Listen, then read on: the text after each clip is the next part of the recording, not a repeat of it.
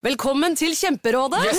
Denne gangen har vi fått inn et kjempedilemma fra en familie. Okay. Jeg leser Hei, vi er litt uenige i familien her. Mm. Hvis du skulle vært et dyr, ville du hatt gjeller eller vinger? Oi, den er tricky. Ja, Hva ville dere hatt, da? Altså, jeg vet ikke, men Med familierabatt får de ubegrenset data fra Telenor fra 399 kroner. Da kan de jo scrolle seg til svaret, rett og slett. Ja, ok, Men for min del Ja. gjelder. Nei, nei, Gjelder. nei, vinger. Nei, nei, gjeller. Ja, okay, ja, Kjempebra. Men eh, se nye mobilabonnement på telenor.no, da.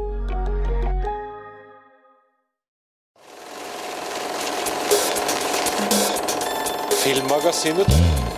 Filmmagasinet. Filmmagasinet. Filmmagasinet. Filmmagasinet.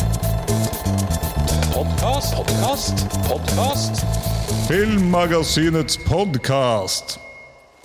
Velkommen til Filmmagasinets podkast. Mitt navn er Tor Aaberg, og dette her er i hvert fall uansett en episode som burde være interessant for alle som har lyst til å begynne å skape film. Om man da er gammel eller ung, nyutdanna eller på do it yourself-metoden. Vi skal snakke om litt forskjellig. Vi skal innom eh, ja, hvordan man faktisk kommer seg inn i filmbransjen, og kanskje også som skuespiller. Vi skal innom noen av de produksjonene disse gutta har vært eh, og jobba med. Og hvordan det er å jobbe med Netflix. Vi skal innom Hessdalen, kanskje noe Aliens og masse annet. I dag har vi med oss to kompiser som har kjent hverandre lenge. Regissør Martin Sofiedal og skuespiller Fredrik Skogsrud. Velkommen skal dere være. Takk for det. takk for det. Takk, takk. Vi har også med oss Filmmagasinets ansvarlige redaktør Eirik Bull. Igjen. Enda en gang, Han er jo min medprogramleder. Velkommen til deg. Takk. Martin og Fredrik, hvordan ble dere kompiser? Hvor, liksom, hva er bakgrunnshistorien deres? Ja, hvordan ble vi kompiser? Det var en fest. Det var det absolutt. Eh, Som det ofte er. er. Det er ofte det. Ja, det er ofte det. Nei, hva var det? det? Vi var på en Det var i 2011. Ja, fordi vi hadde Jeg husker vi hadde det- det er allerede gått to år siden Tiårsjubileet. tiårsjubileet. Som- som er veldig viktig å ha når man er kompiser. Ja, nei, det var en eller annen uh, premierefest som var litt sånn småklein. Uh, så det var liksom starten av at det, det, det er ofte veldig Man har funnet ut at det er veldig fint å bonde over ting som man begge syns er teit.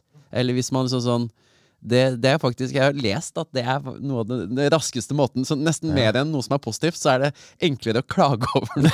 Ikke at vi sto og klaga så mye, men jeg tror vi begge syntes dette var sånn Ok, dette var ikke helt uh, innafor. Nei, det var jo et, altså, det var ikke mange minuttene etter vi liksom uh, hilste på hverandre, uh, skålte litt, tok én øl sammen. Skal vi dra et annet sted, eller? Ja. ja, Og så gjorde vi det. ja. Det ble en liten sånn koselig heisatte rundt omkring i Oslos gater. Det ser jo romantisk ut, da. Ja, Ja, det var jo egentlig, ja, det var jo starten på et forhold, da. ja, det var det. Så nei, så, så var det vel egentlig fordi vi hadde også en annen Vi hadde en felles kompis eh, som også gjorde altså, Som introduserte meg for Fredrik. Um, som vi da Jeg har jo liksom sånn fra den Vi kom jo innom eh, dette skattejaktgreiene og sånn litt senere, sikkert. Men eh, det begynte allerede litt da at jeg hadde litt sånn tanker om ah, jeg har lyst, til å gjøre det. Og så tenker jeg sånn her, Fredrik, ja. Han er sånn uh, filmkjekkas. han, uh, han er en stjerne. Han, så, så hvis jeg kan gjøre Fredrik til en stjerne, så er, uh, får, jeg mye, får jeg mye ut av det. Så det begynte allerede litt sånn, sånn leking med litt sånn ideer og, og sånn. Ja, ja. Rundt der. Vi lagde litt uh, Begynte å lage litt sånn små kortfilmer som bare var sånn veldig teite ting. Ja, ja, det var teite, men det var liksom, vi skulle møtes på eksempel en, en lørdag, og så, ja, istedenfor å stikke ut på byen, så var det litt mer sånn, du, jeg har en jævlig kul filmidé, sa Martin. Altså, du, kom over hit. Så sitter vi og snakker om den ideen, og så, ja, vi, vi skyter den. Og så gjør vi det, og så har jeg liksom brukt den lørdagen fra morgen til kveld på å lage en film. Og så klipper den sammen i løpet av en, noen dager eller en uke, og plutselig så har vi for, en... for var den første, første kortfilmen som vi lagde, mener jeg husker at det var, var i hvert fall Som var det der, var jo at eh, At jeg hadde bare Hva var det? Action Hero Comes Home, var ikke det? Ja, den, ja. Eh, Det var kanskje ikke første, men Ja. jeg føler det var en av de som Det var bare sånn Som begynner med han, han tøffingen med pistolen som går ut i gata, og det er mørkt og sånn. Men han stopper aldri å, å være sånn med pistolen. Så han, litt sånn han, kom, han går inn, og så sjekker han postkassa mens han gjør sånn. Og så åpner han døra altså hjemme hos seg selv, og så går han sånn. Så plutselig så sitter han i sofaen og drikker te, og så står han sånn, og så pusser tenna. Det veldig Det er på dass også, tror jeg. Ja, ja, Med pistol i hånda, Satt liksom. Ja. hele tiden. Var sånn Å nei. Ja. Han er en krigsveteran. En dyp, heftig historie. sånn det, det, Psykiske, ja. Det er mulig at vi, vi lo av noe som kanskje kan være et sånt tema. Uh, men vi følte på en måte dette er filmversjonen av han som bare aldri slutter å være Mm. på. Han, han som aldri er på. ja. Så ganske kort vei fra idé til eh, å sette ting ut i liv, rett og slett. ja. Det Det, er si. vel på en måte veldig mange Eller på mange måter mitt eh, Det er sånn, sånn jeg fungerer, egentlig. At jeg er bare eksepsjonelt utålmodig. Eh, så jeg klarer liksom Hvis jeg må vente på noe jeg blir gira over, så blir jeg helt sånn sprø. Så Det, det tror jeg er en sinnssykt god egenskap. Mm, altså, at du er så utålmodig i den kunstbransjen, altså det å lage film, fordi man er så lett å overtenke så mye, og jeg må få det perfekte manuset før jeg kan sette i gang. Og før det perfekte manuset, den perfekte ideen, og så må jeg finne den perfekte crewet, og så må jeg finne den perfekte cast, og så om jeg skal være fotograf. Altså. Det er så mange ledd før du da får gjort noe.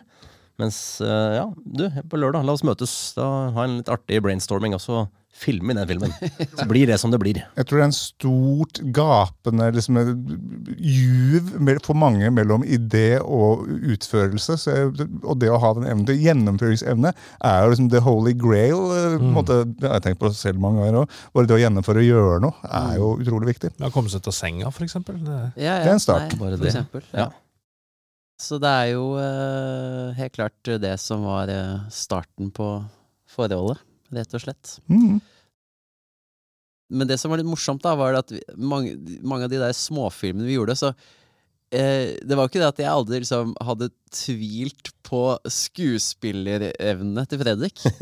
Men det var bare at jeg hadde aldri sett liksom Fordi det vi, sånn som det eksempelet med dette Dette var jo bare litt sånn overdrevet spill uten noe dialog, eller noe som helst, så jeg hadde jo ikke sett liksom ja, sånn er det Fred egentlig spiller når han snakker?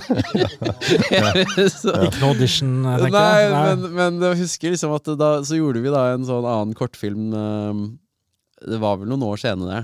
eh, med en sånn meteoritt eller et eller annet Ja. Det, ja, Mm. det var første gangen jeg tror jeg så deg spille.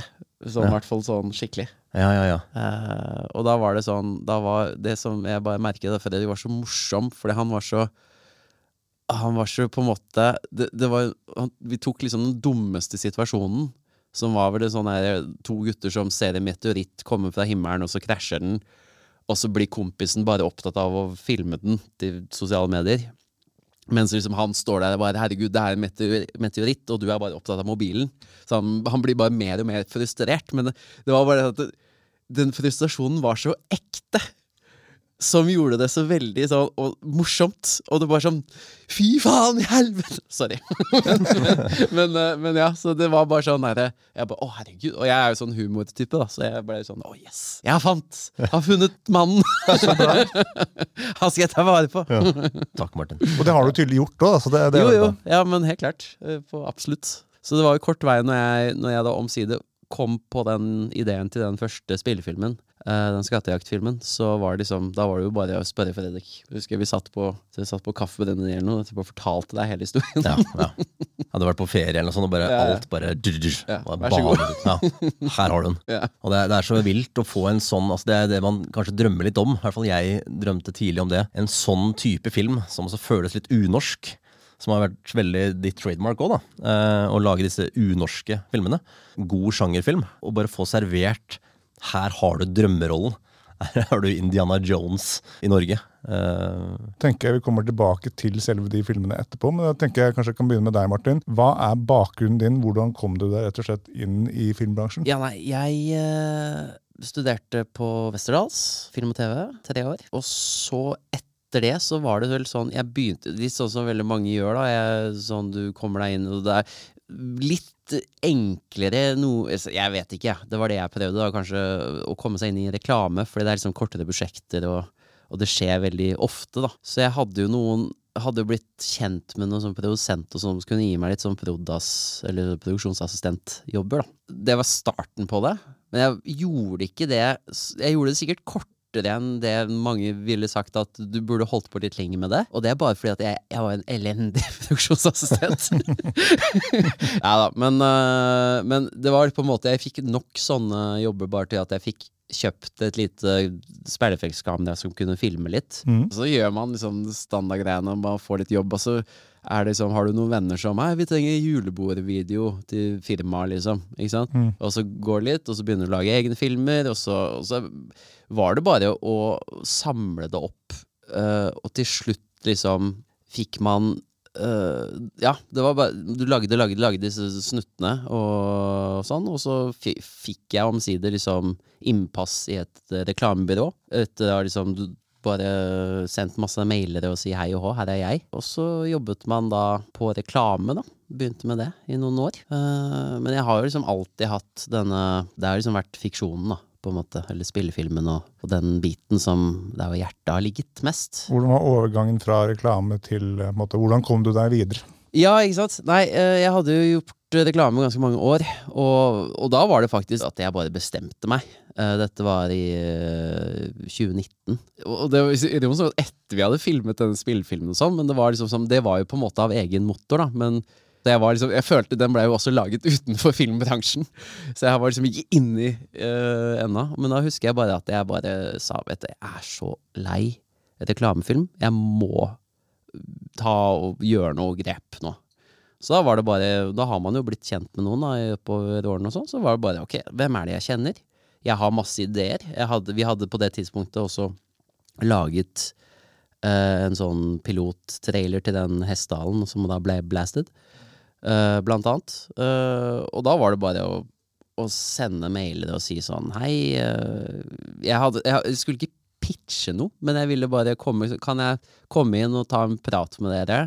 Jeg har masse ideer jeg vil gjerne vil fortelle, ikke pitche.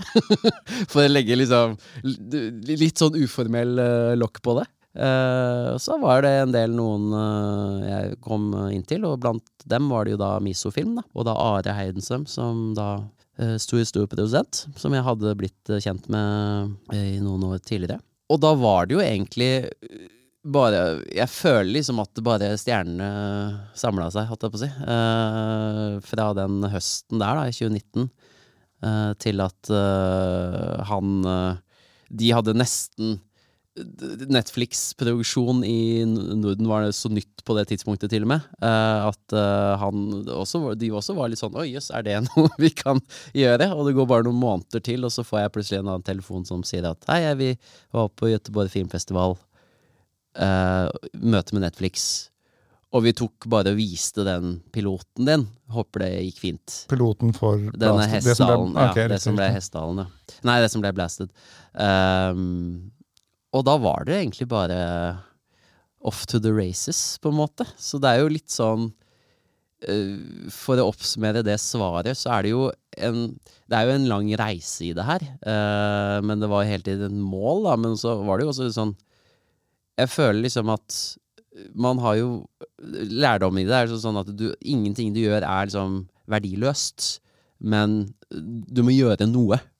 Det er det det handler om. At, sånn at man hele tiden gjorde noe. Man produserte noe. Man hadde prosjekter som man prøvde å få i gang, som gjorde hele tiden at du skjerper liksom talentet og egenskapene og så videre, og lærer mye av det.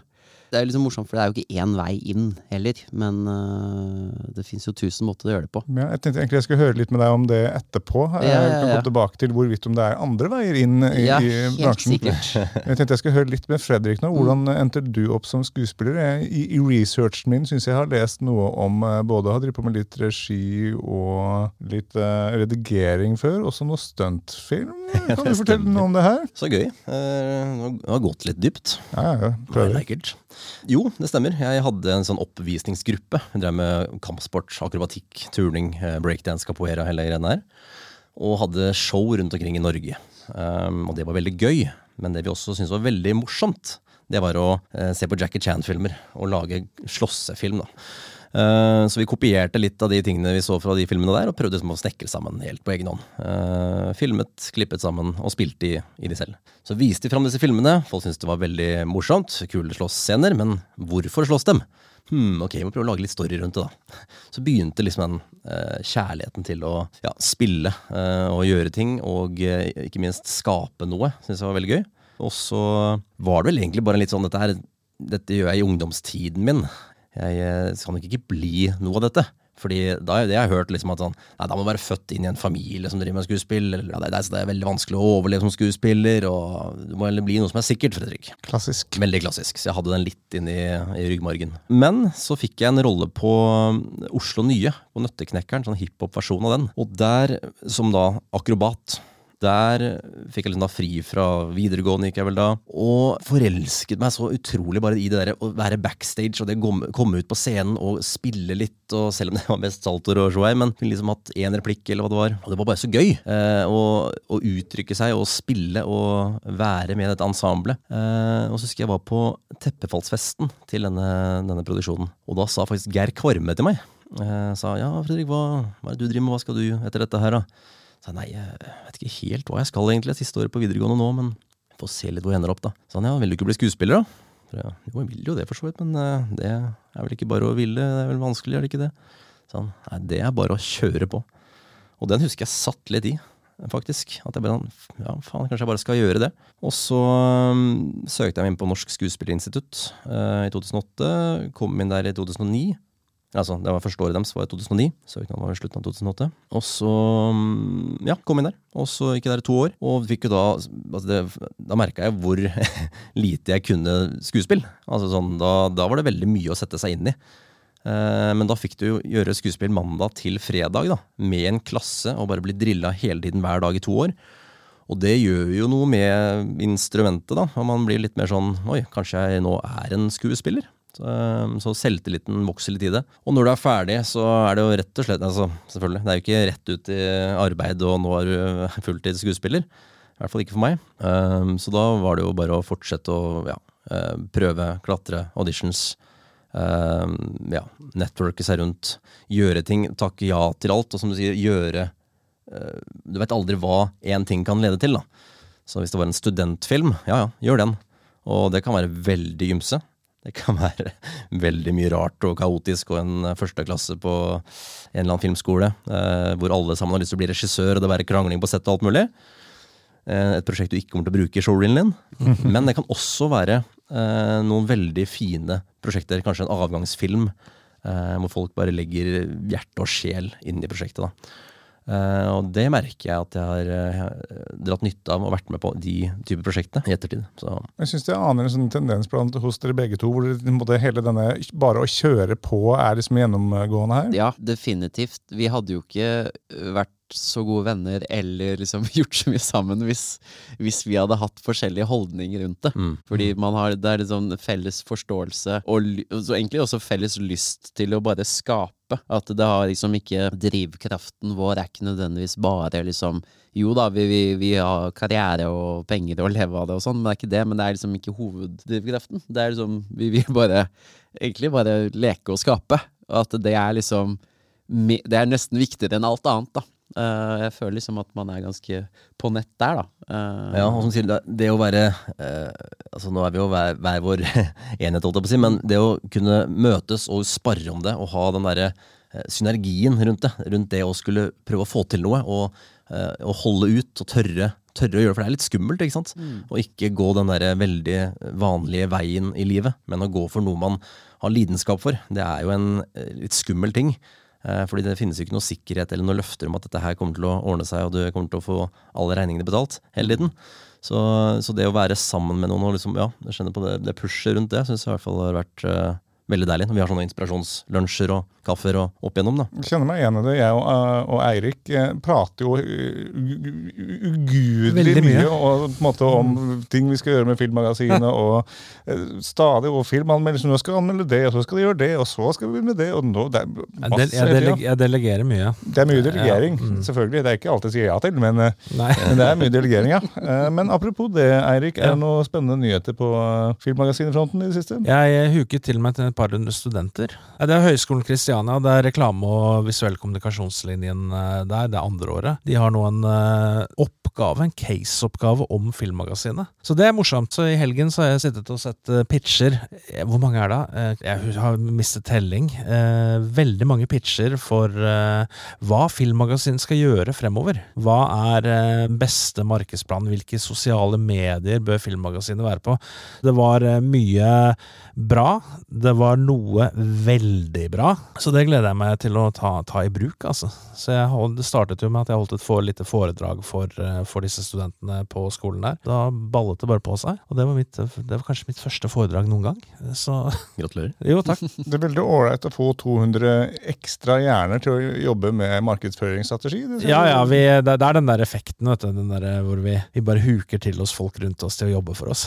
Så det, Deilig. det er jo som studenter eh, kjenner utdanninger eh, som vanlig, dette her. Det er jo, du ser jo hvem som er gira på dette her. Og dette er jo folk som, som vi har snakket om nå, altså dette er jo folk som Dette er jo reklame og visuell kommunikasjon. Det er jo eh, rett inn i eh, skinnene du har eh, holdt på med, ikke sant? Mm. Og de kommer jo garantert til å høre på dette her, så hva er eh, De går på andreåret. Hva er det du Hva er det, Martin, hva er det du har lyst til å si til dem? Hva, hva gjør de? Hallo! hva, hva, er det de, hva, er det de, hva er det de burde gjøre nå, nå, nå etter de er ferdig med denne casen her, med Filmmagasinet, og når de er ferdig med utdanningen sin? De har lyst til å kanskje lage reklamefilm. Hva er det hva, hva, hva, er, hva er første steg? Jeg ville si at det, det fins liksom egentlig flere steg man kan prøve å gjøre litt parallelt, da. Og det tror jeg er lurt bare fordi at en feil mange gjør, er jo at de gjør én ting, og så venter de på svar på den ene tingen, eller at den ene tingen skal løse seg. Så her er det jo liksom uh, litt forskjellige ting man kan gjøre. Altså, men de to hovedtingene jeg ville tenkt på, er jo Én er jo bare å ta kontakt med folk. Det kommer liksom an på hva du vil gjøre i, i bransjen, da, selvfølgelig. En veldig god start er jo å se på Finne disse sidene på Facebook og sånn, sånn som for eksempel hyrer inn, som for eksempel jeg sa, Prodas og, og slike jobber, da. Er det noen eksempler på hva slags sider dette er? å ja, hva er det de heter? Det heter sånn her eh, film... Freelance Norge Frilans Norge, filmarbeidere, Oslo filmarbeidere, altså sånn. Man, man, man finner det veldig enkelt når man søker det opp. Jeg har ikke Det er lenge siden jeg selv har brukt Ja, disse sidene aktivt, så jeg har ikke navnet Men det er noe sånn Freelance Norge og litt sånne ting, eh, så man finner garantert disse. Og, og det vil jeg virkelig sånn, selv om jeg var en elendig Frodas, så vil jeg absolutt anbefale folk å, å teste det ut, i hvert fall en gang, om ikke liksom å ha en liten, kall det, arbeidssesong, da. eh, for tingen er at man får kommet ut, man, får, man lærer litt sånn hvordan f.eks. for eksempel et filmsett fungerer, da. Det som er tingen er at Veldig mange er jo glad i sitt eget fagfelt, så hvis man er liksom litt sånn altetende sånn, så er det jo eh, eh, smart å spørre folk. Fordi mange som bare gladelig forteller om eh, alle lydhettene på bomstangen, eller eh, hva enn det måtte være. Men det, det er jo også en annen ting da, som jeg, jeg merket liksom som har vært gull verdt for min del fra skolen av, da. Og det var jo det at jeg skjønte at jeg, selv om jeg visste at jeg ville være regissør, så først ja, men jeg kommer ikke til å få den jobben mm, umiddelbart etterpå. Så jeg skjønte jo at å ja, men uh, hvis jeg skal kunne generere egne ting, så må jeg ha en basic forståelse for kamera. Og jeg må ha forståelse for klipp. Det kommer du langt med. Det var liksom, som det var liksom tilbake på det jeg sa i stad, med at jeg kjøpte meg dette kameraet og sånn. sånn, sånn. Jeg gjorde alt dette selv, og det er jo måten jeg kunne gjøre det på selv, er jo fordi at jeg visste at jeg, jeg var ikke avhengig av noen. Og det er også en annen tips, da, at du må på en måte prøve Enten så er det jo det at hvis man er en fin gruppe fra øh, studielivet som, har, liksom fyller ut litt roller, så kan det være fint å holde den gruppen litt sammen og se om man kan generere øh, en vei sammen videre. Men hvis man er alene, da, så er det jo et tips å bli litt sånn potet i starten, øh, og godta det litt, og bare lære seg litt, og så kan man heller spisse liksom, veien videre. da. Fordi hvis du er litt potet i starten, så, så får du generert mer, da. og du kommer liksom litt fortere foran alle andre som bare sitter og venter. Og får en bredere forståelse med å skjønne mer av måte, helheten. du gjør det, og så, forst, så er det enklere for deg med en gang du begynner å få den jobben du vil ha. At du kan, eh, liksom, du kan faktisk snakke med disse fagfolkene og, og si ting som de faktisk forstår, enn bare sånn diffuse sånn meldinger. Men, eh, men ja, nei, så det, det er jo egentlig det, Gjør deg litt sånn eh, til en potet. Gjør deg Skap ting.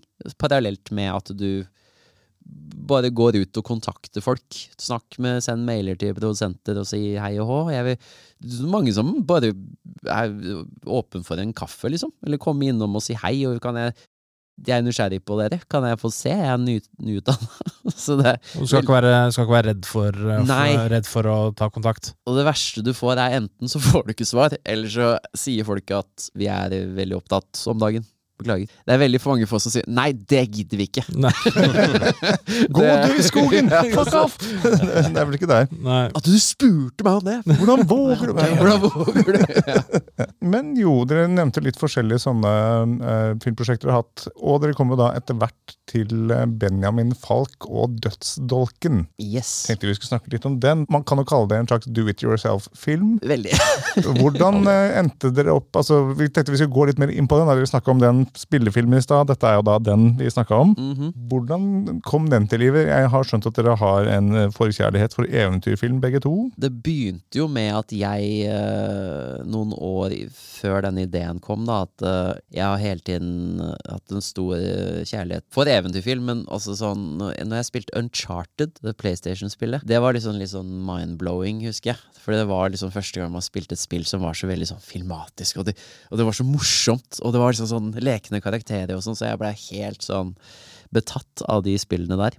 Um, og jeg endte opp med å lage en sånn uh, rekonstruksjon av en sånn uh, cutscene, da. Eller det er liksom de scenene i spillet der hvor du ikke spiller, på en måte.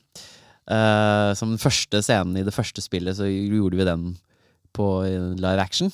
Uh, som for øvrig er fortsatt min største virale hit på YouTube. Eh, som Ja, det var jo en uh, historie for seg selv. Uh, men det var jo på en måte det som satte liksom starten på liksom ah, Jeg har så lyst til å lage mer av dette greiene her. Så var det vel egentlig bare at jeg jeg var på, som Fredrik nevnte så vidt her i stad, men at jeg var på ferie på Mallorca.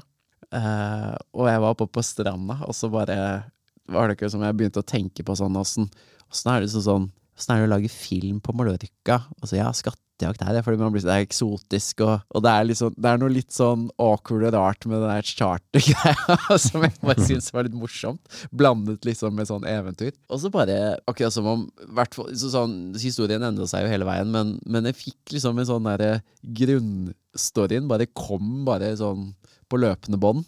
Mens man øh, Og så jeg måtte liksom nærmest løpe til hotellrommet for å liksom skrive ned alle disse tankene. Og så utviklet det seg videre derfra. Eh, jeg da, som jeg sa, så gikk jeg jo det var, Jeg tror Fredrik, du var vel den første jeg du fortalte alt til, egentlig. Mm. Uh, som sagt, hadde en date på Kaffe på Dinnelie. Dette var vel i vet jeg, 2014, kanskje? Nei, før det, tror jeg òg. Det var vel kanskje før det, ja. Ja.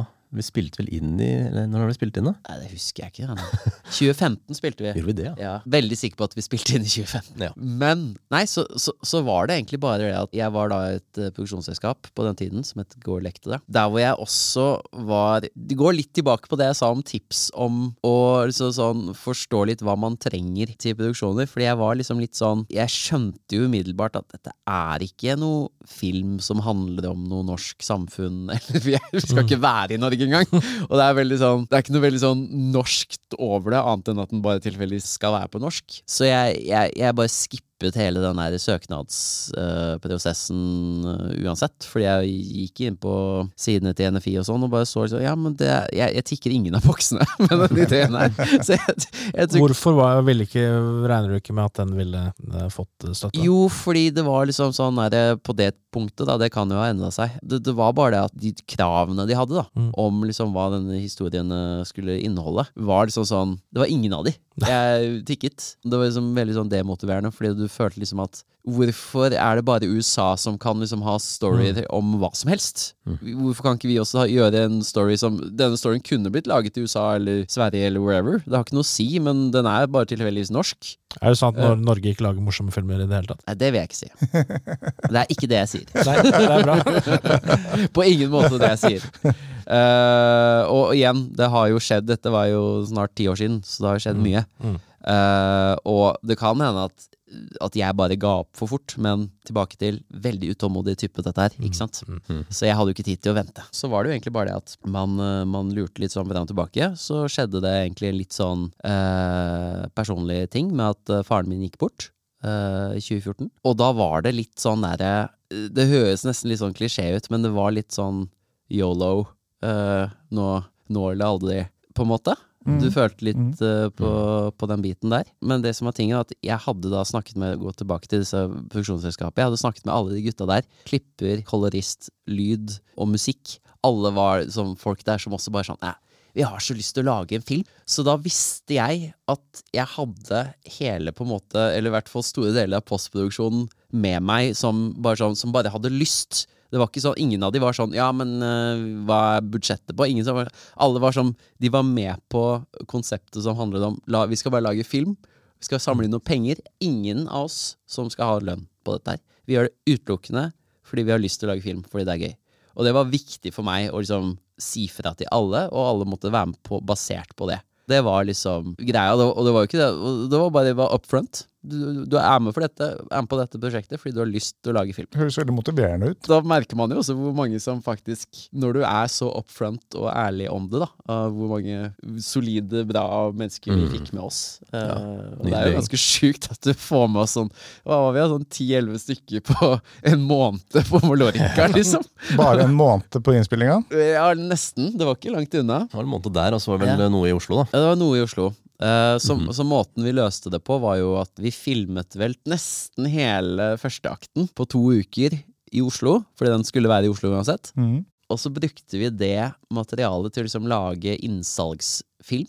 Som vi kjørte da på en sånn crowdfunding-side som heter Indiegogo. Mm. Og så lanserte vi den gjennom sommeren. Ja, så var vi også først en tur ned til Mallorca før det. Ja, ja, ja, ja men det var jo del av uh, vi, vi filmet de to ukene, og så dro vi en uke på Ja, Mallorca. ja. Som også sånn location scout, men også bare filmet litt ekstra greier uh, til uh, Var det, var det greit å filme på Mallorca, eller? Var det, var det noen problemer med loka, de lokale, eller regler? Hvordan var det? var, eh, Altså, igjen, da, i, i god ånd om å bare kjøre på.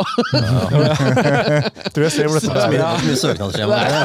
Det så mange sånn Veldig sånn uh, Når politiet kommer Ja, Gerilja, altså, er det det? Løp, det var jo Det var jo altså sånn Vi har jo noen sånne Om man kan kalle det drøye, jeg vet ikke, men altså jeg husker jo den gangen når vi bare kjørte inn til det der stedet ved flyplassen. Og, det skulle sånn, og vi skulle ha en sånn ankomstscene som var veldig kjapp. Men at de liksom ankommer i en bil, og så tenkte vi ja, vi må filme det ved flyplassen. Jeg, sånn, I etterkant så ser du ikke det i det hele tatt på de klippene vi hadde, så jeg skjønner virkelig ikke hvorfor vi var Det Men det var bare følelsen vi hadde. At det var veldig viktig at vi var nærme flyplassen, fordi de har ankommet Mallorca. De sa dette Fredrik og da Karoline da, som spilte kjæresten. Og vi hadde jo da funnet da en sånn Du vet jo sånn eh, på flyplasser så er det sånn du kan kjøre og levere bilen din når du flyr. Ja. Så det var sånn type sted, da. Og vi hadde da vært der først og sjekket liksom Ja, her er det jo kult å filme. Det er sånn parkeringsplassaktig ved flyplassen. Og så hadde vi sendt dem en mail og spurt liksom er det mulig å filme her. Og dette var liksom, husker jeg vi gjorde sånn ja, kanskje sånn to uker eller ti dager i forkant. Og så begynner den dagen å komme, da, den vi, når vi hadde planlagt når vi skulle filme dette her. Og så hadde vi ikke fått noe svar. Og da er vi litt sånn Da får vi kjøre på! så vi bare tropper opp der, vi med liksom Det var meg og dere to, kameramann og lydmann. Mm. vi prøvde liksom å holde det lite. Så vi bare kjører inn på dette stedet. Og det er en kø der for liksom å kunne levere bil. Vi kjører bare rett forbi den køen og inn på parkeringsplassen. og så øh, finner vi Og det var jo helt sjukt, for det var én ledig plass der, som vi da fikk. Som vi da kjører, og så parkerer vi der. og så og så, begynner, og, og så begynner vi å filme, da. Og jeg husker bare så godt at jeg, liksom, jeg var veldig sånn følge med, og så nesten sånn måtte sånn hviske sånn Vær så god, tusen takk! For det skulle ikke bli tatt. For at vi gjorde geriljafilmer på dette stedet. Og så husker jeg så godt at det var da at jeg plutselig fikk øyekontakt på en, eh, en fyr sånn ti meter unna, som jobbet der, som hadde på sånn refleksvest.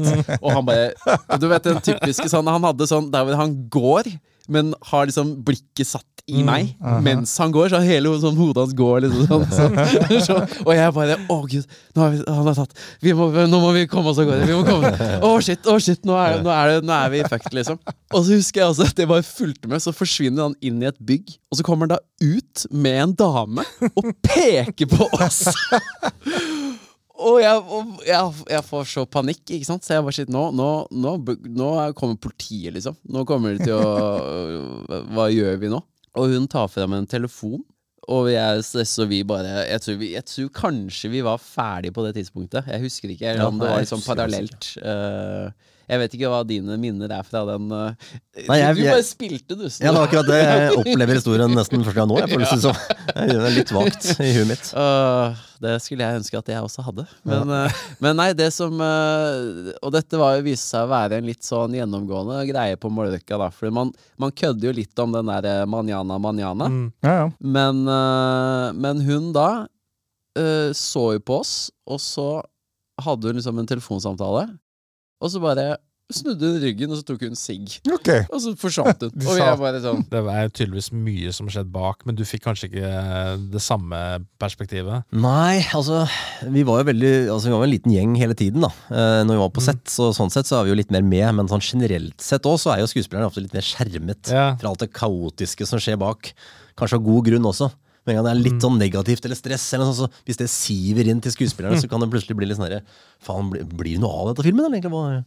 Så, men, men akkurat, nei, jeg husker ikke Jeg husker ikke den scenen der Eh, Det var ikke så mye var ikke så mye dramatikk sånn sett, vi, men vi hadde jo veldig sånn run and gun på dette prosjektet i sin helhet, men også da på selve innspillingen. da. Så plutselig så kjørte vi og skulle lete etter location, og så bare Der var det jævlig kult! Ja, hopp inn der, og så, og så filmer vi det der. Altså, så det var veldig mye ting som bare løste seg litt òg, da. Underveis. Ja, fordi jeg hadde jo romantisert litt denne type innspilling. At man var så Den derre umiddelbarheten over ting, da. Det, det, liksom, hele poenget med å reise til Mallorca er jo fordi hvis du ser bort fra alle de der tacky stedene, turiststedene, så er det veldig mye flott eh, landskap og bygg og alt mulig.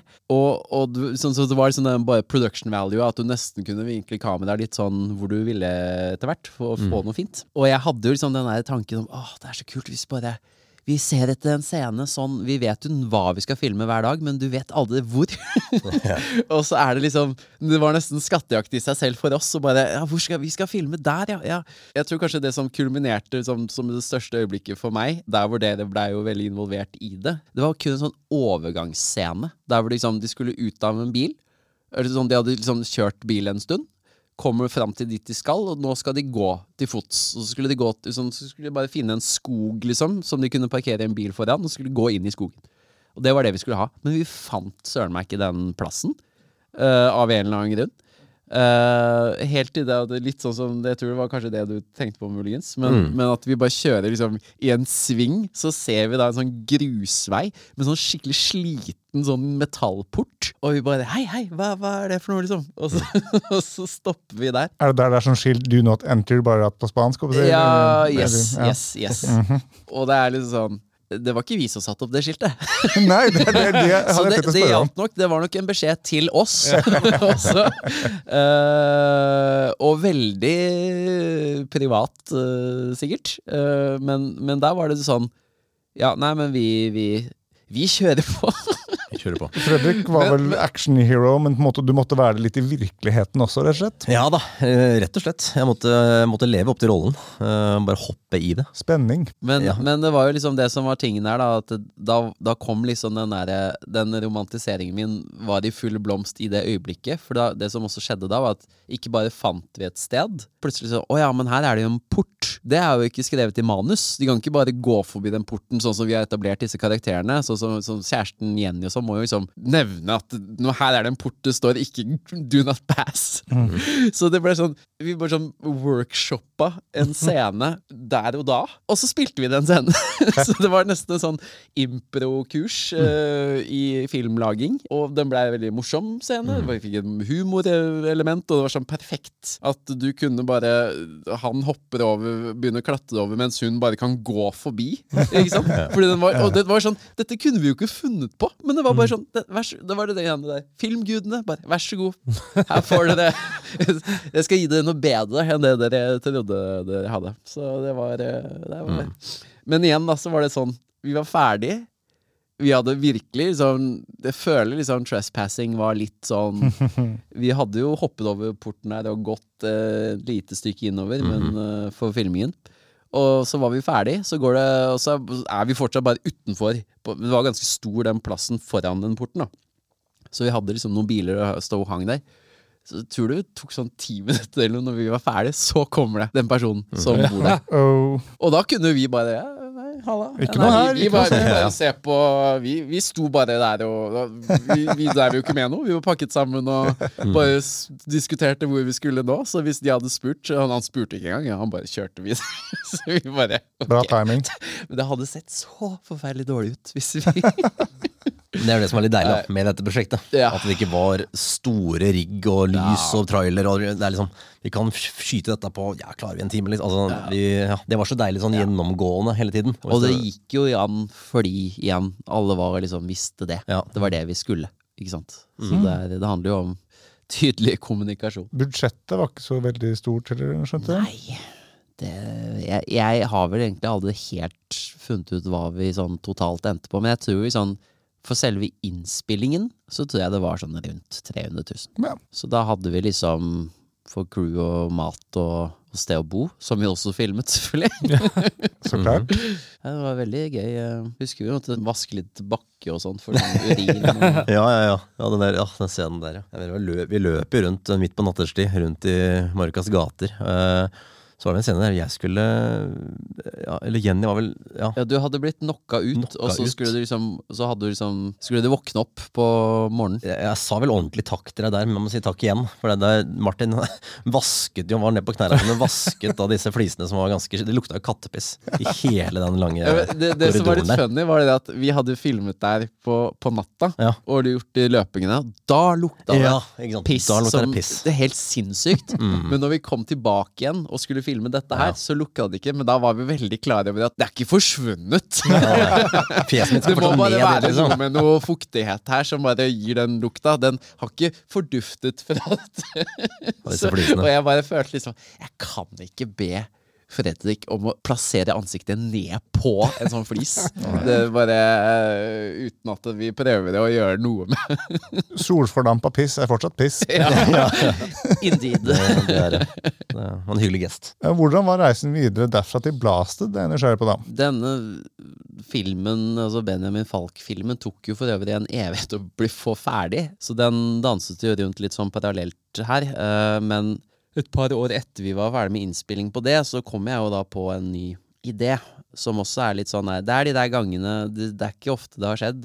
Det er vel nesten bare de to gangene inntil videre. Uh, Der hvor du liksom får liksom Du føler du får en helhetlig idé, da. Selvfølgelig, det skjer jo ting underveis i under utviklingsscenen og sånn, men du blir sånn gira når du vet sånn målet. For det er veldig mange ideer du får liksom en setup, men du vet aldri hvor du skal, og da er det sånn litt sånn demotiverende å jobbe med. Uh, hvis, I hvert fall hvis du jobber alene, da. Men uh, da var det da dette, at jeg oppdaget dette Hessdalen, da. Eh, disse lysene. Uh, Lite spørsmål der, hva, for de som ikke, ikke vet hva Hessdalen er for noe. Hva, hva, er, hva er greia, hva er mysteriet her? Ja, nei. Uh, Hessdalen er et sted i Trøndelag. Et lite sted. Som er kjent for å ha noen sånne merkelige lys som driver og um, farer rundt i lufta. Eh, der hvor Som ble oppdaget eh, på 80-tallet, og som til den dag i dag egentlig aldri har fått en ordentlig begrunnelse på hva er for noe. Det er bare noe lys som øh, ja, flyr rundt i sånn uregelmessige mønstre. Eh, og det har jo vært alt fra tanker om ufoer til ja, mye rare greier. Og det er jo selvfølgelig gøy å leke med. Konsept. Uh, og, og, og, og det som på en måte kickstarta min uh, idé på dette, var jo da at jeg blandet litt min egen uh, barndom i dette her med at jeg var så glad i lasertag. Og jeg og min barndomskompis, vi spilte, vi var medlemmer på Megazone i Oslo. Det var jo sånn før, De har jo ikke det lenger nå, men vi hadde sånn medlemskortet hadde sånn litt sånn der eh, magnet. Sånn du da når du kom på og tok på deg sånn vest, så klikket du den på plass, og da bare klikk, klikk, så kom det sånn uh, tag gamer, så liksom logget du deg på. Liksom. Veldig irritert på at jeg fortsatt ikke husker Jeg husker ikke hva gamertaggen min var, men uh, uansett. Jeg syns jo det var noe gøy, fordi det var litt sånn der, der når du har liksom to parallelle ideer som bare plutselig var Ja, hva om jeg putter disse sammen? Ja, fordi jeg hadde et helt Jeg syns liksom lasertag er både veldig kult og veldig teit samtidig. Og jeg er veldig glad i ting som er teit, hvis det er gøy nok.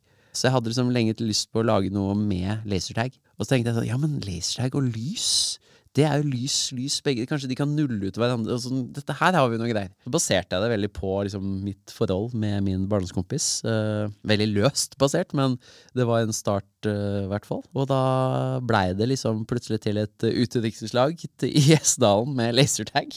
Så, det, så det, det, den ideen kom ganske fort, og da var, det, var jeg sånn Oi, jeg har lyst til å lage en, eh, en sånn trailerpilot.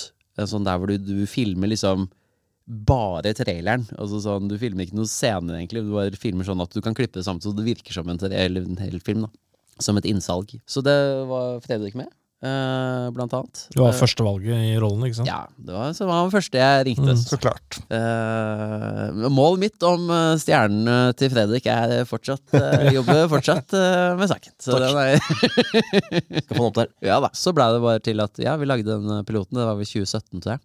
Men så blei den bare liggende, for jeg klarte ikke å liksom knekke den fullstendige storyen helt. Men så var det jo litt den der biten som jeg var, nevnte i stad, at jeg kom, og vi kom oss til 2019. Jeg fikk omsider ferdig Benjamin Falk, så den hadde premiere den høsten. Og det var også da jeg liksom, ok, hadde disse møtene. Jeg tror det var faktisk bare en uke, samme uka som jeg hadde premiere på Benjamin Falk, så hadde jeg møte med Miso. Så det er litt, eh, litt morsomt hvordan den bare connecter litt sånn Nå var du ferdig, og da skal du få neste, liksom. Det var jo egentlig sånn det skjedde, da. At man hadde den piloten, og de syntes det var gøy, men de var så busy, så vi, du hører fra oss eh, når vi har litt mindre å gjøre, holdt jeg på å si. Og så går det noen måneder, og så får jeg den telefonen da, at eh, de hadde vist det til Netflix, og da var det Nei, de, bare, de var visst veldig gira på ideen, og så måtte man kaste seg rundt. Og da hadde jeg, på det tidspunktet hadde jeg også involvert en mannsfatter fordi da, for å kickstarte det prosjektet litt sånn på egen hånd. Uh, så det passet jo alt egentlig bare linet opp veldig fint, da. Uh, så brukte man egentlig det første covid-året på utvikling på manus. Og så fikk vi da Greenlight uh, 19. desember 2020. Greenlight er passende, passende i forhold Yes, til grønne yes. lys i filmen. Så Eh, det, det har jeg ikke tenkt på engang. Hvordan føltes eh, det å få ja fra Netflix? da? Ah, vi hadde middag, vi. Ja, helt tilfeldig, faktisk. det, det var vel- Ja, Det var 19. desember. det var 19. desember. Ja. Ja. Mm, ja, hvordan, eh, hvordan, eh, hvordan smakte den middagen? Ja, vi var vel nesten, vi var, jeg tror faktisk vi var midt i middagen. Ja. Altså, Vi var rett, fer, rett fer, ferdig med middagen, og så Du bare forsvant ut på stua, for det, det plinga litt i telefonen din. Ja. Og så bare kom du sånn sakte tilbake til kjøkkenet, og bare Ja, det skjer, liksom. Ja. Og så, fy faen, altså, det var rett før vi liksom skulle ta juleferie, på en måte, og bare gå inn i jula og bare Nei, vi veit ikke om det blir noe, da, liksom. Det er jo Vi får jo se, da. Eh, vi har i hvert fall fått softfunding liksom, til det og det. Fått utviklet litt historie, men ja. Vi har ikke fått noe ja ennå. Nå er jo snart året omme, så ja. Yes, vi får bare se. Men så bare Det er lille plinget fra telefonen, og så Jeg tror jeg på en måte ikke Det er, ikke sånn, det er litt sånn ut av deg selv-opplevelse, der hvor du, du husker det litt som en drøm. Jeg har liksom bilder av det, men jeg har ikke noen detaljer, på en måte. Jeg husker liksom ikke, nesten ikke hvordan jeg reagerte engang. Det er bare sånn blackout omtrent. Vi poppa en flaske, i hvert fall. Det gjorde vi nok. Ja. Det håper jeg vi gjorde. måtte feile litt. Ja. Men det igjen, da, så det går liksom tilbake på det der med um, Jeg fikk jo en tydelig beskjed av eh, produsenten om at uh, fordi jeg hadde fått ferdig denne Benjamin-filmen Det er liksom grunnen til at jeg fikk denne muligheten. På, forhåpentligvis kanskje også andre ting, men, men en stor bit av det da var det, det var liksom det der som du snakket om. det sånn Ok, man, det er så mange som bare gjør ting som aldri blir noe.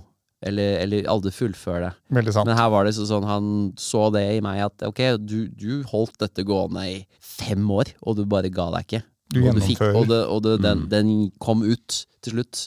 Den kom ikke ut på kino, men den kom ut, liksom. Uh, og det var, uh, det var nok, det. Og det, det er sånn som da, det, det trenger man å høre litt, da. Eh, jeg var jo, jeg husker jo liksom Det var jo et par uker etter den premieren jeg bare satt til samboeren min. Jeg bare følte sånn Ja, det var jo ikke verdt det. Herregud. Det har jo ikke skjedd noe. Ingen, ingenting. Mm. Ingen, ingen, ingen telefoner, ingenting. Ingen som bryr seg om at den filmen ble lagd. Mm. Det var bare Nå er den ute, og så nå må jeg videre. Nå kan du sette Netflix på CV-en, da. nå kan man det. Ja.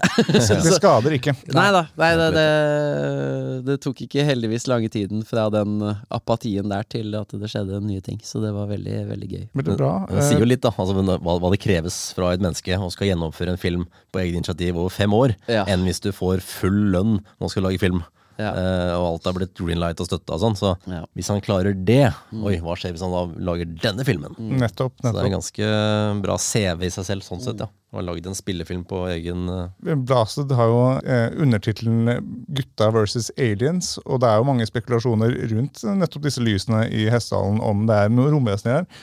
Og jeg vet, Eirik, at du også har hatt noe sånn prosjekt angående Hessdalen før. Ja, eh, jeg, eh, jeg, jeg, jeg skulle også lage Hessdalen-film. Jeg var jo, studerte jo film og skulle, for mange herrens år siden. Det, det ble jo ikke noe av, da. For jeg, men manus ble jo skrevet, og det ble jo lagd plakater, og det var ikke måte på. Eh, men, og det var en helt annen type film enn Blaster. Det var, eh, jeg skulle være så seriøs som bare det. Eh, og det var nesten litt sånn der X-Files, nærkontakt av tredje grad, eh, type ting bare satt i Oslo og Hessdalen. da.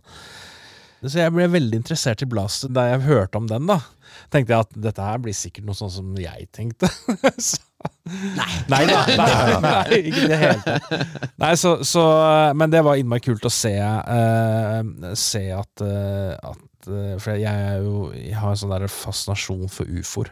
Eh, som er helt uh, fra barndommen av, etter at min, uh, min eldre bror Han leste høyt for meg i en bok som het, het 'Møte med det uforklarlige'. Og da ble jeg livredd. Jeg var kanskje syv år, eller noe sånt. Jeg fikk mareritt i mange år. Og jeg ble en sånn stor fascinasjon for ufoer, og det var jo den skumleste filmen jeg har sett noen ganger, er jo 'Killer Clowns from Outer Space' fra 1988. Det er jo, det, det er jo et mareritt, den filmen der, altså. Klovner er jo skumle, men altså, hvis de kommer fra det ytre rom, hjelper Ja, ikke på. klovner Liksom. og ufoer. Altså, du kombinerer kombiner, kombiner disse to. ja. Ikke sant? Altså, Jeg har ikke noe problem med Pennywise av Stephen Ja. King, men disse klovnene her, fy søren. Hvis det, noen må se den filmen Jeg vet ikke hvilken uh, Jeg vet ikke hvilken eh, den er på, men uh, den finnes i hvert fall her og der. Det kommer jo da Den ligger på YouTube, om jeg ikke husker feil, den, altså. de, de prøver jo stadig. Altså det som Gjør det? ja, ja, de prøver stadig, fordi at det skjer noen der nå. De der uh, Chiodo-brødrene, uh, de tre, tre brødre som har laget filmen. Og de er jo sånn spesialeffektkarer som eh, De jobbet jo med Critters, husker du Oh, Critters, ja. Critters, ja, de var jo de som lagde disse Critters-skapningene. Kyoto-brødrene de eh, har prøvd å få, tak i, få, få, i gang en, eh, få i gang en sånn eh, oppfølger i, i lang tid. Eh, det er vel snakk om TV-serie, men det ble dataspill, gitt. Ja, så Hæ? nå kommer det til I løpet av året så kommer det et eh, sånn derre Du vet sånn disse spillene som er én spiller eh, Noen spiller eh, ofre. Ikke sant? Det sånne ja, slasherspill. ja, sånn ja, f- eh, f- Fredag 13.-spill og sånn. Mm. Bare det er klovner og ungdom. så Altså, det, det, det kommer, det ser det er, det er med den fantastiske musikken og alt mulig. Så det, det vet jeg er et spill vi må Hvis, hvis filmmagasinene kommer til å gå og begynne med litt gaming, eh, som noen vi har kanskje Kanskje. Eh, Det er ikke umulig. Både du og jeg er jo gamere. Sånn, Ja, så selvfølgelig. det er ikke den mest unaturlige så er extension. det er jo dette spillet vi skal snakke om. Så, Utelukkende. eh, så får vi intervjue disse brødrene da, som lagde den filmen også. ja. Har du sett Nei. den filmen eh, nå i voksen alder, eller er den fortsatt like ja, ja. Ja, du, Ja. Har du, ja riktig. Mm. Eh, den, eh, det var den, eh, og så var det eh, 1988, samme år. eh, The Blob eh, var også en film som jeg ble livredd for. Men nå sporer vi helt av her. Eh, Så um, Tenker vi sniker oss tilbake til Hessdalen. ja, ja, Hessdalen. Eh, ingen klovner, eh, som jeg vet om, men Jo da, eh, litt klo ja, ja, Det er noen klovner. Klovneri. klovneri var det. Ja, jeg var med, ja. Det var klovneri, og kanskje ikke klovner. Ja. Dere hadde jo, dere hadde jo Rune Temte, da. Han har vi opplevd er litt grann klovn. Han er en fest. ja. Han er en fest. Ja da. Så han, han, han ble intervjuet her for et par episoder siden. Ja, episode to. Så Ja, episode Rune her. ja. var veldig Ja, det hyggelig. var, eh, veldig moro. Vi gikk, fra, morsom vi, altså. vi gikk fra, fra Mona Hoels natt til Rune Temte. Ja. Uh, så Eh, Forskjell i tema. Natt og dag. eh, Liv skjer i ja, Men ja, Hessdalen. Eh, min film ble det ikke noe av, eh, for å svare på spørsmålet. Um, og, men jeg er, glad for det, jeg er glad det ble noe av Blasted. Og jeg må da stille det litt sånn potensielt teite spørsmålet. Så du noen aliens? Nå er det sånn at eh, det er noe som heter filmtriks, holdt jeg på å si. Eh, I i denne forstand så er filmtrikset Vi var ikke i Hessdalen! Oi, dere var ikke i Hessdalen? Oi, oi, oi. surprise, surprise! Uh. Uh, bare så det er sagt, da, så har vi Vi var i Hessdalen i forkant. Vi visste vel litt sånn allerede før vi begynte at uh, det ikke skulle filmes der, av praktiske årsaker. Eh, men vi var veldig opptatt av at vi skal i hvert fall ha vært der. Vi må liksom finne ut av hva dette går litt ut på. Og, og se det litt. Men vi så jo ikke noe da, eller? Eh, nei, så det, det, det var dessverre en konstruksjon. Uh, blanding av uh, hva er det, Bygdøy og litt av hvert. forskjellige steder, da. Ja, vi var litt forskjellige steder. Ja. For jeg har faktisk vært i Hessdalen, skjønner du. Ja. Og jeg har hatt, også hatt merkelig opplevelse der. Henholdsvis ikke noe aliens, men jeg har vært med en kompis og spilt på en støyfestival som het Støy på landet. Eh, og det, da sto jo jeg og han på en scene med et veldig lite og veldig tvilsomt kostyme, med en maske fra en fyr han hadde møtt på en pub i England, mens vi da drev og kvalte noen gummikyllinger med sånn intens støymusikk i bakgrunnen, og sånn der gal mann i hestemaske, veldig lite annet, og rød kappe, som dansa rundt, og det var masse Hva, folk. hva er dette sånn der performance art? Det, det var en støyfestival. Altså, jeg, jeg har Hva er det? Det er, okay, det er støy, støymusikk som består i stor grad av støy. Nå er ikke jeg noen musik, musiker i utgangspunktet, men det var en festlig opplevelse. Jeg holdt på Det høres ikke ut som du må være det, på en måte. Det blei en del alkohol. At det er nesten et krav. Ja, ja, det ble en del alkohol. Det var mye telt. Det var en rar musikkfestival med masse weird folk. Jeg holdt på å falle i et bål. Det var moro. Jeg sto på scenen og spilte noe jeg og hvert gummikylling. Altså, merkelig, kanskje ikke noe aliens, men who knows? Håper du har bildet fortsatt. Eller hvis noen tok det. Jeg har ett ja. bilde av det, faktisk. Det håper jeg kunne fått på storskjerm her nå. Jeg kan, jeg kan finne det hvis dere er veldig. Legge til i shownotesa. Ja, ja kanskje, kanskje vi kan se. ja.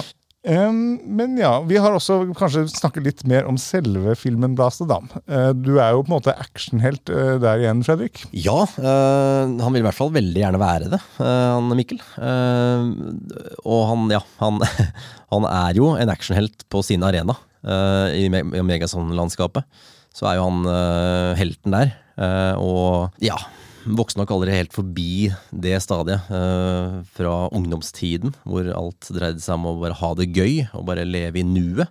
Nyte livet, som man så sier. Så ja, jeg fikk virkelig kjent på det å være en liten actionhelt i filmen her. For det er jo veldig mange scener der som du får spilt det litt ut, og fyrt løs med laserpistoler og blæsta aliens. Jeg mener, det er, ja, det er ganske toppen på kaka det der, altså. Mye løping. Mye løping, mye skyting. Uh, ja da. Du ble var- til og med skadd, Fredrik. ja, det ble, ja, jeg ble skadd. Hvordan da? Ja. eh, vi skal ha en ganske heftig scene. Du har sett filmen, eller dere har sett filmen? Så. Flere ganger. Ja. Ja, opptil flere ganger, ja. Mm, Vakkert. Um, når vi da mot slutten av filmen, mot klimakset, eh, hvis vi løper ut av um, grotten, og det der romskipet fyrer opp av sted, og den derre engine-poweren som bare skyter gjennom, blaster oss ut av grotten. eh, og da må vi ha et wire-stunt da, for å virkelig få dratt oss, og vi flyr av gårde. Ja, du gjør det selv? Ja, her kommer det Ja. til, da. Au. Au. Jeg eh, skulle gjøre det. Eh, så vi øvde da en par timer før vi skulle spille inn dette. Med stuntteam, eh, hvor da en står oppå en, eh, en sånn liten topp over denne grotten. Og står der og drar dette, denne vaieren. da. Og så løper ut, og så drar den der, flyr opp og lander ganske sånn soft og fint. For da drar den akkurat litt, så vi lander ganske mykt. da. Altså, han tar imot fallet. Så han får oss til å fly opp, og så, rett, og så lander vi fritt. Men rett før vi lander, så drar den litt, så vi ja, får en myk landing. Gjorde vi det ja, fire-fem ganger, og bare faen, nå, nå begynner det å sitte. Skal vi ta, ja, vi tar en gang til, da. Det var litt gøy der. Tar vi en sånn siste gang, da. Og det er vel det man aldri skal gjøre. Ja, nei, famous last words. Ja, aldri en sånn siste tur i slalåmbakken. Ja, nei. nei. bare nei, gir deg på topp. Ja. Eh, men ja, så da, da skal han kline til litt, jeg skal kline til litt, og så bare ja, fly ved sted, få ordentlig høyde da, på dette, dette stuntet, og så flyr jeg nok litt for kjapt mot bakken, eller jeg vet ikke hva det blir, men jeg vet ikke helt hvor det går gærent. Men så får ikke han dratt, eh, dratt denne vaieren tilbake igjen, og da merker jeg når jeg er 20 cm fra bakken, at hvis jeg ikke tar meg imot her nå, så lander jeg bare faceplanter og eh, ja, mine vitale organer bare smadret ut der, så jeg bare naturlig nok tar meg imot med skulderen. da. Og da bare, Det er litt sånn skråbak også, så bare går den skulderen liksom kaster seg tilbake sånn. Så da var det bare sånn der, litt sånn sjokktilstand. Adrenalinet begynte å fyre. Jeg var helt bleik i trynet. Og bare Ja, dette går bra, det her, altså. Og så bare Du ser litt dårlig ut. Ser liksom alle folka begynner å gå opp og bare liksom sånn med bekymrede blikk. Og sånn, så jeg bare Ja, å, faen, jeg må sette meg ned igjen. og så ja, var det et eller annet som skjedde inni skulderen her, da. Så da måtte jeg ja, bare ja, sette meg ned og parkere meg for eh, den dagen. Og litt egentlig resten av innspillingen på én måte. Eh, Jeg måtte bare leve på Paracet og alt mulig. Var det sent i innspillingen, eller? Ja, det var Nei, men vi hadde masse actionsekvenser igjen, i hvert fall. Ja, det, det var Det liksom, litt- liksom dårlig timing. litt funny å tenke på, fordi du har liksom i filmen også inni ufoen mot slutten der, så hadde vi liksom en fightscene mellom to stykker. Og det var liksom de to skuespillerne som var skadd, var de to som skulle slåss. Og det var da Fredrik og da Mathias som spilte Audun, som da hadde skadet beinet. Så han kunne jo ikke gå i noen perioder. Så det var jo også noen scener der hvor han er veldig sånn statisk stående. Og ja, på et tidspunkt så fikk vi det var vel sånn eh, third AD eller et eller annet sånn, uh, som innspillingsassistenten, som kom inn og steppet inn for han i en sånn, noen sånn dronebilder der hvor han skulle gå. For han, han kunne ikke gå. Han hadde skadet beinet på den paintballbanen. Uh, men da var det sånn, så skulle vi liksom ha fight, og det var sånn Her er det en som ikke kan løfte armen mer enn det. Her og en andre står Og de skal ha liksom en Altså, heftig fight også. Heftig fight Nå er jo han tatt over av Romwester, så han er jo super strong. superstrong og bare- og, ja, ja.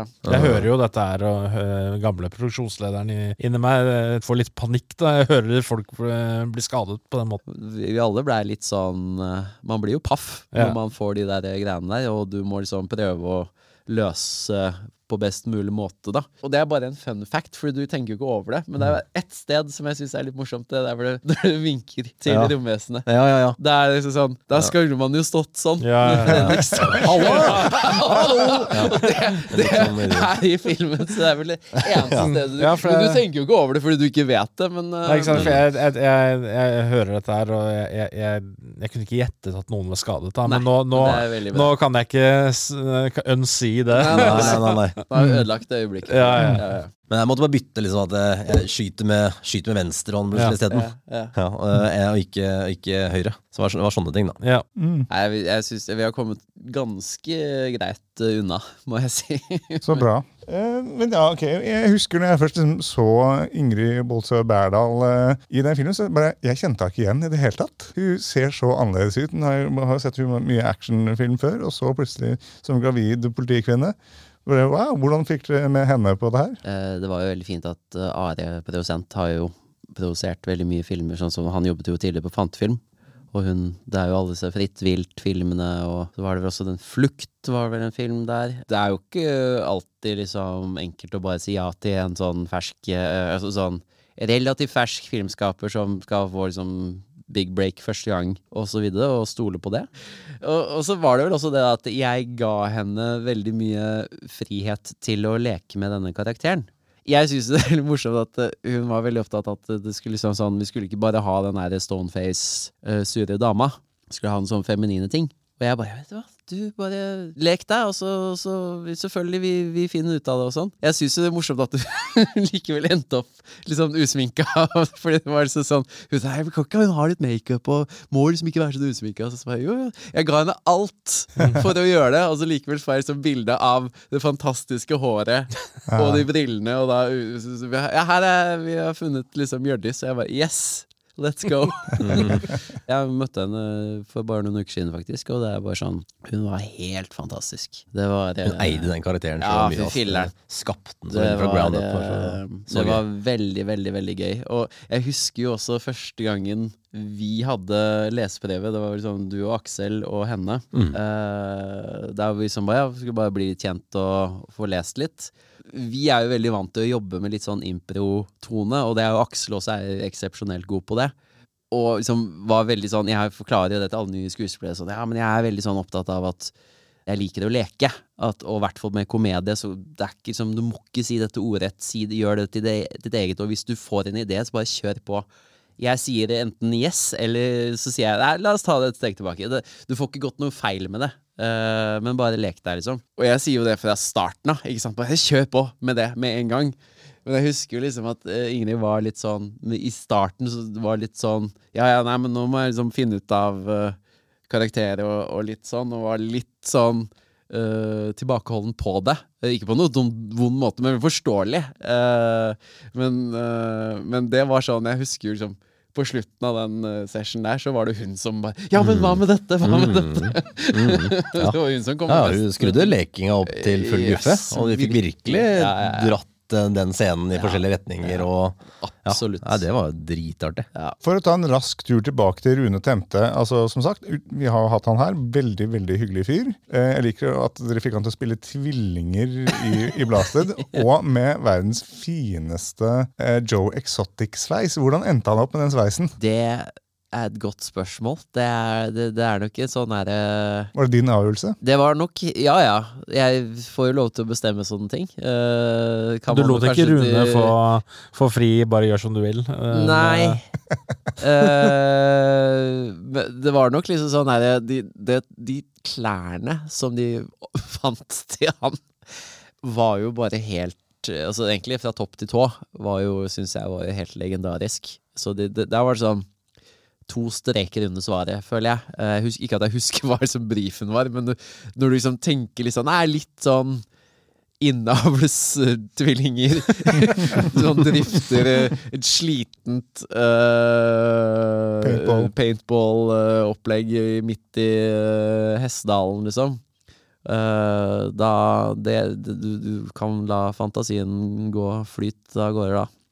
Men eh, jeg husker jo ikke helt hvordan basisen på håret var. Men, eh, men han var jo veldig sporty, som også dessverre måtte leve med den sveisen under hele, hele innspillingen.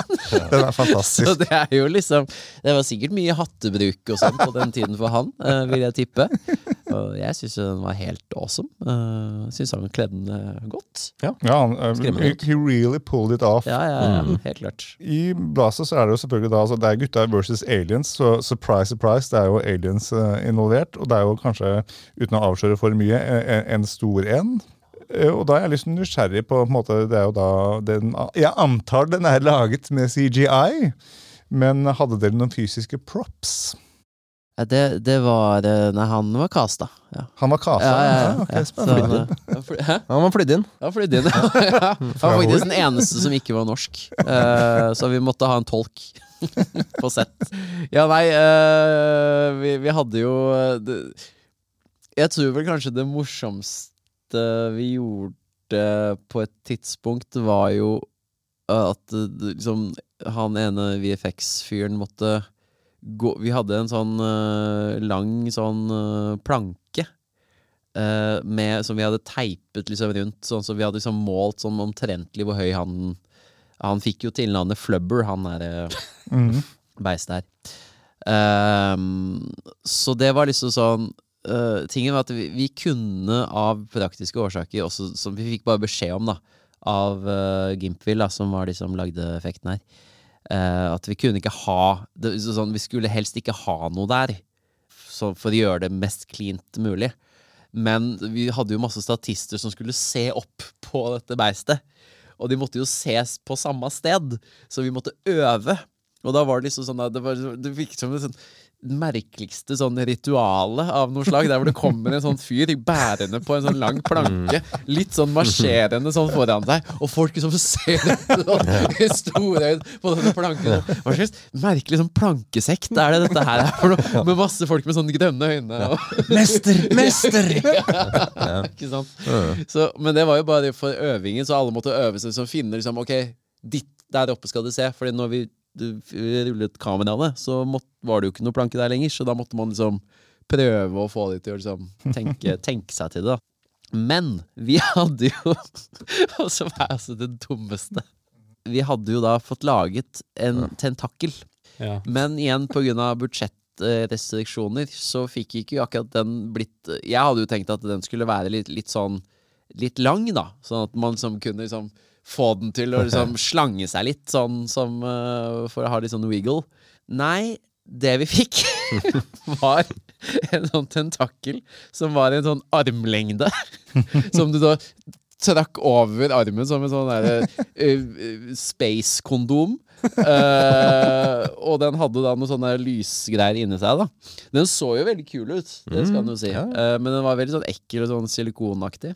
Og den sto jo da, for det er jo noen sånne nærbilder, da, der liksom For jeg var jo sånn, tenkte ah, det må, Hvis vi kan få noe interaksjon i forhold til de, Og den skulle liksom slå disse gutta i ansiktet og nokke dem ned, nokke dem ned på gulvet. Og bare få noe, liksom. Hadde liksom hjalp. Men den var jo, som sagt, den var så jævla kort. Den derre Den var jo som sagt bare en arm, da. Og så Du skyter da sånn anamorphic, som da er jo da kjempelangt og bredt. Så du, du, du må jo da stå liksom køl helt tett inntil linsa. Så du ikke, for med en gang du kommer litt sånn utenfor, så ser du fordi du ser så mye i den linsa. Og så ser du da han fyren som står og slår dere i ansiktet gang etter gang. Han har behind the scenes av det. Ja. Ja. Og det er det, det dummeste. Du ser så du, For han står jo som en sånn, sånn måtte, Han kunne ikke bøye sånn, for han kunne ikke gjøre noe. Han kunne bare strak arm, så han måtte gjøre sånn. Sånn var det han måtte Klaske gjøre. til dem. Klaske til. For en jobb. Sånn her, nei, litt fortere. Ja. Litt, eh, litt sånn eh, Nei, nei, der bomma vi. Å nei, der så vi skulderen.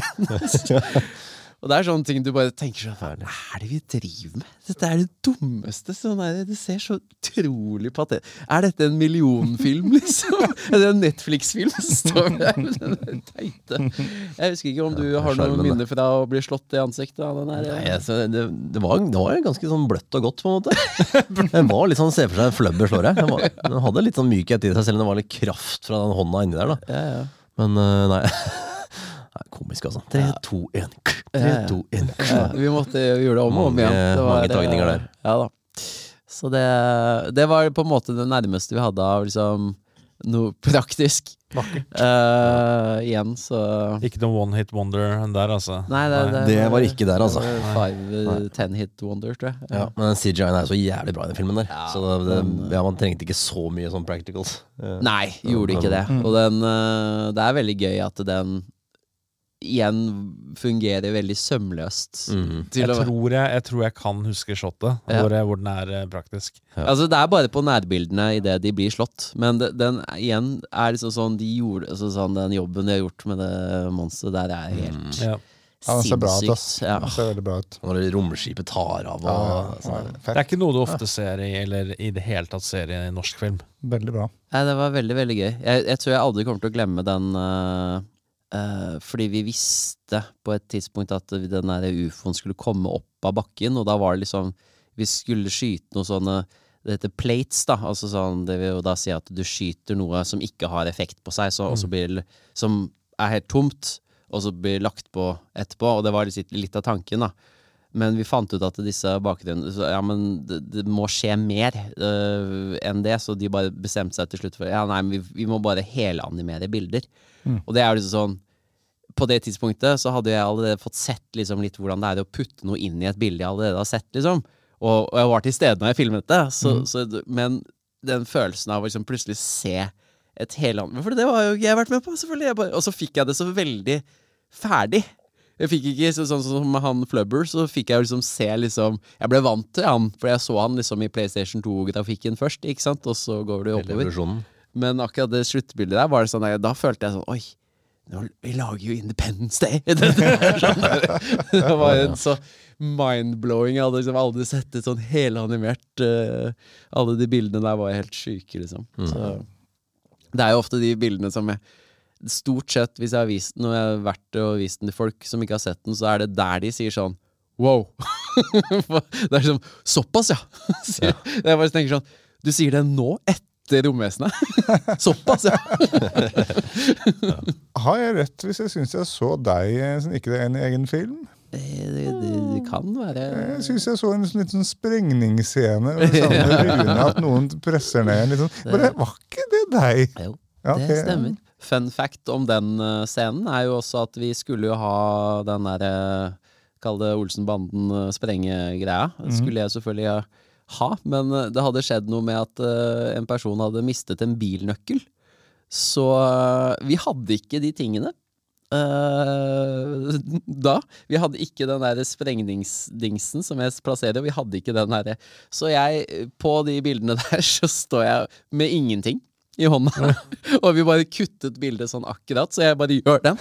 Og så måtte vi bare på et eller annet tidspunkt utenfor det politistasjonen eller sånn, så filmet vi nærbildene. Så jeg bare jeg gjorde de der. Så vi måtte klippe det sammen. Så jeg hadde ikke Og for øvrig uh, Det er altså sånn Det er jo meg, produsenten og manusforfatteren. Våre gjester. Det er oss tre som sprenger det observatoriet. Og det morsomste var det altså, Jeg syns det er gøy å bare sånn, gå jo helt in character og er sånn helt monster, ikke sant. Så har du produsenten, han uh, gjorde sin greie, det funket fint. han bare var litt sånn øh, Og det var veldig gøy. Men så husker jeg så godt, fordi at når vi skulle sprenge, så hadde vi jo da han uh, SFX-fyren sto der med flammekaster for å få litt det der riktige flammelyset på ansiktene våre. Så når da jeg gjør det altså, Det ser også veldig dumt ut. Jeg gjør med, ingenting i henda, så gjør jeg da denne, og så bare uff, Ikke sant? Så får vi den. Og jeg har jo selvfølgelig ikke noe monitor å se på, fordi jeg er jo i kamera. Og jeg bare hører da, sånn fra siden på første tagningen, da, så hører jeg bare sånn Og jeg bare og så, og så prøver jeg å stay in character, og så sier jeg bare sånn Ja, takk. Og så bare Lo du nå? Han bare Ja, sier han. Masfatter'n. Bare sånn Hvorfor, hvorfor det? Liksom? Sånn, det var så fett! Med flammekasteren. Og jeg bare ja, men du kan ikke le nå! Vi er jo på Vi skal jo se litt sånn alvorlig ut her. Vi sprenger dette bygget. Vi kan ikke du, ha én person som står og gniser på sida. Og så sier jeg sånn og så, ja, så ikke le, da. Og så, og, så, og så er jo jeg konsentrert, og så tar vi noen tagninger, da. Og heldigvis så tok vi også noen sånne profilshots av bare meg som gjør dette greiene. Og jeg sier heldigvis, for det var aldri min tanke om at jeg skulle være han egofyren som jeg vil bare være i kamera. For jeg ville jo ha vårt treskudd av meg som gjør den der. Eh, poenget var at ja, han sluttet å le, men han sluttet ikke å smile. så, så han står bare og smiler. Sorry, Emanuel, nå kasta jeg deg under bussen. Men det, jeg har fortalt denne historien før. Men uh, det er uh, Det var bare sånn Det er litt som den trekløveren i, i Løvenes konge, da. Den ene 21. der, liksom. ja, ja. Det er sikkert den han kobla seg på. Ja, ja, han- han- Han fant dynamikken. han- Riktig referanse å ta på Ja. det øyeblikket, tenkte jeg. Så, Mm. Jeg skulle ønske at det var det han hadde sagt til meg. Så, du, jeg, jeg prøvde liksom å hente frem noe fra Løvenes konge i det øyeblikket. Mm. Jeg Syns det passet seg. Eh, hvordan var det å jobbe med Netflix? Det var eh, topp, faktisk. Ja. Det var eh, Man tenker jo eh, Altså sånn, Folk har jo endret det. Så sånn det. Nå, nå har jeg jo skjønt at det har kommet mange nye folk også, så, men det er sikkert kjempehyggelig, det òg, så jeg skal ikke, ikke noe vondt om noen. Uh, men i hvert fall de vi jobbet med, vi uh, på den tiden, uh, var bare sånn Du forventer jo på en måte at du kommer inn i i Hollywood, på en måte. Folk i dress, og det er, det er liksom det du ser for deg.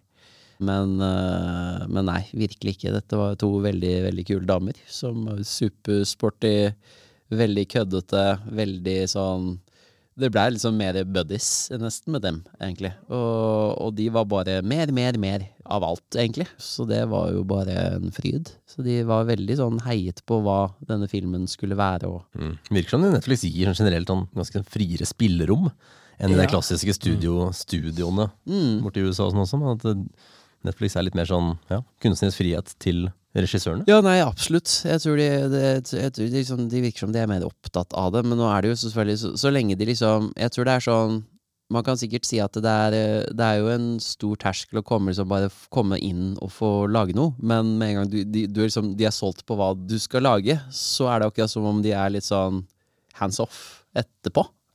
Fordi da er det liksom Ja, men du skal jo lage Du har jo solgt inn, du skal jo lage det her. Og så er det liksom bare sikkert en liten sjekk innimellom å se at du er på sporet. Og så hvis du ikke har flyttet deg for langt av sporet, på en måte. Det er ikke så mye restriksjoner som stopper på en måte, den kreativiteten, kanskje? da. Nei. Nei, det var liksom sånn man får lov til å gjøre alle disse Det var liksom mer, mer kuk og mer tull. Uh, More cockrockets. Ja, more cockrockets. Det var uh, Ja da. Så det var helt klart mye, mye oppfordring til, eh, til sånn lek, kan man si. Yes, Hva er det neste på horisonten for dere? Ja, nei, eh, jeg har nå eh, en humorserie som heter Kammo.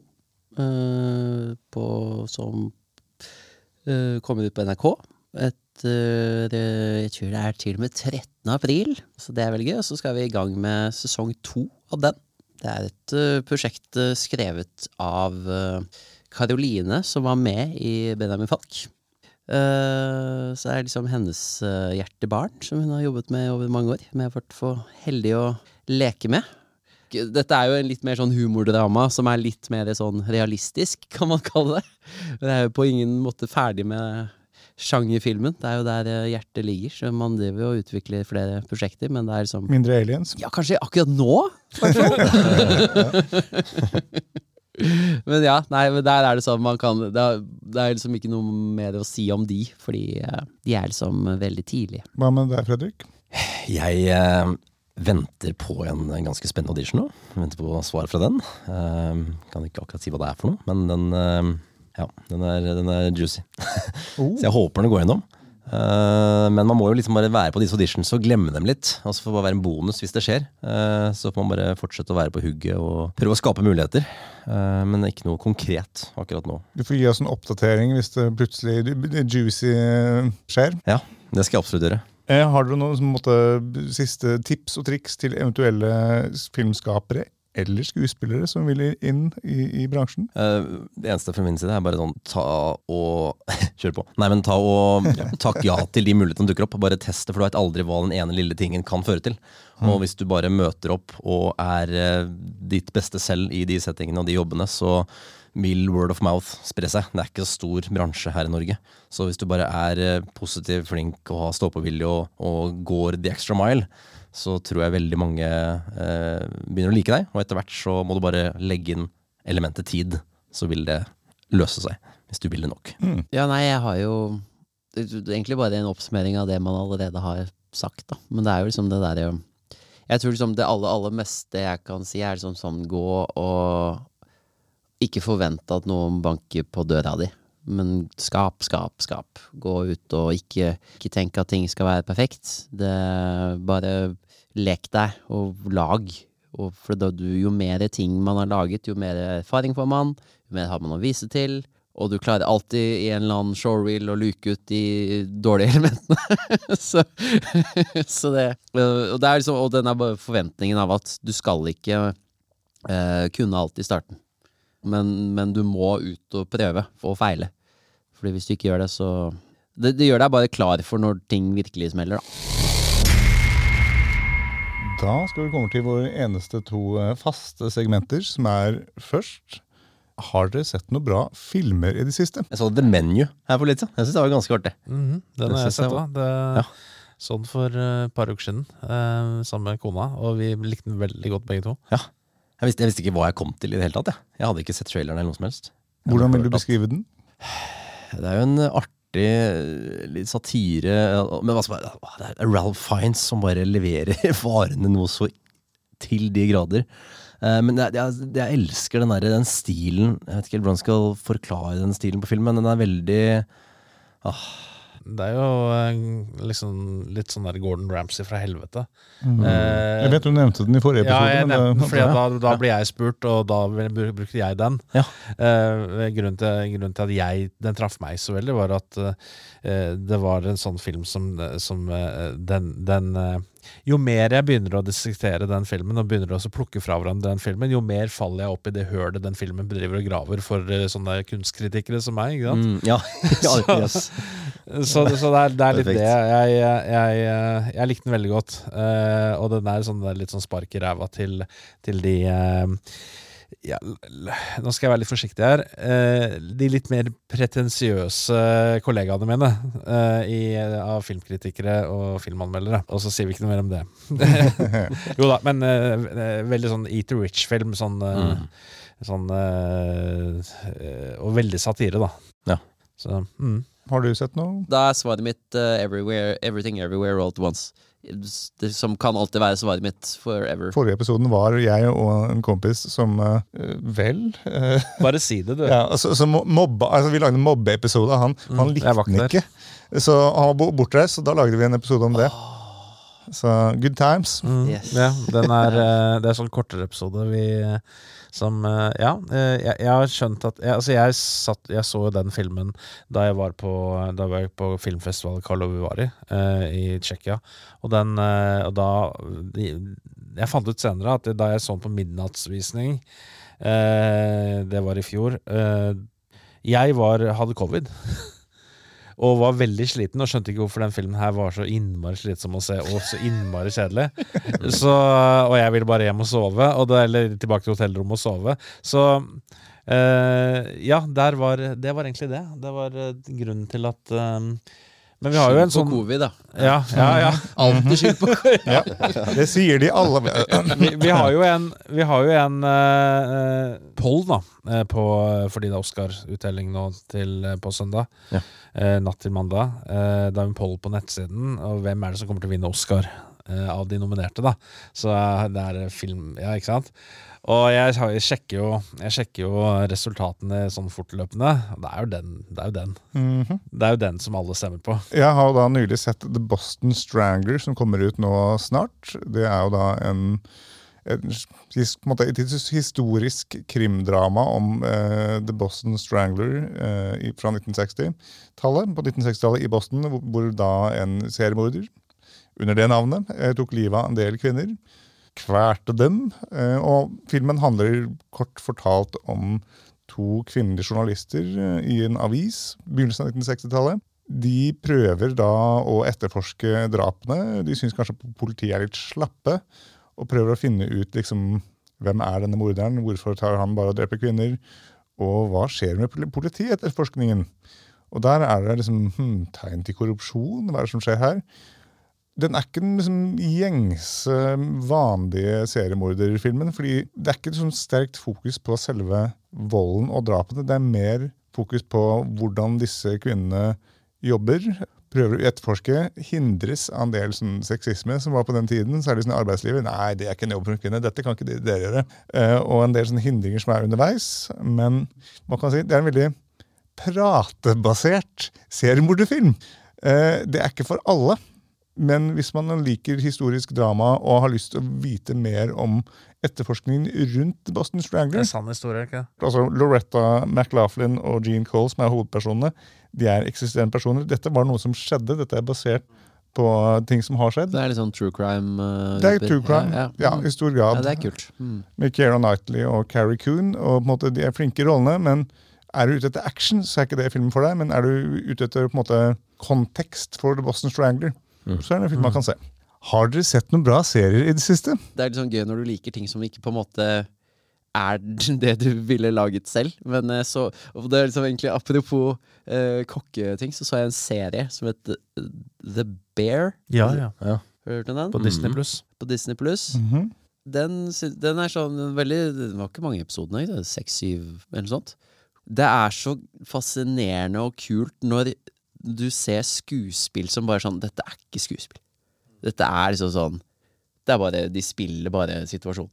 Det er liksom sånn Det er ingen Det, det var bare sånn upolert òg, da. Det er veldig sånn stilig klippet, og du får liksom Fordi det er en sånn nerve i den storyen der uh, hele veien, og du, du, det der liksom Veldig mange sånne kokke... Det er jo blitt så populært, det nå føler jeg sånn derre stressa kokkefilmer eller serier. sånn. Du får nesten angst av å se på det. fordi, fordi han har angst, han fyren. Men det er så Ja, det var bare veldig, veldig godt håndverk. Veldig kult. Veldig nedpå. Hvor kommer bjørnen inn i bildet? Nei, det, det er jo i Chicago. Det er jo en Chicago Bear-greie. Men jeg vet ikke helt den connection der, for å være helt ærlig. Jeg har sett to serier, eller jeg jobber med en nå. Uh, Extrapolations eh, på Apple TV Pluss.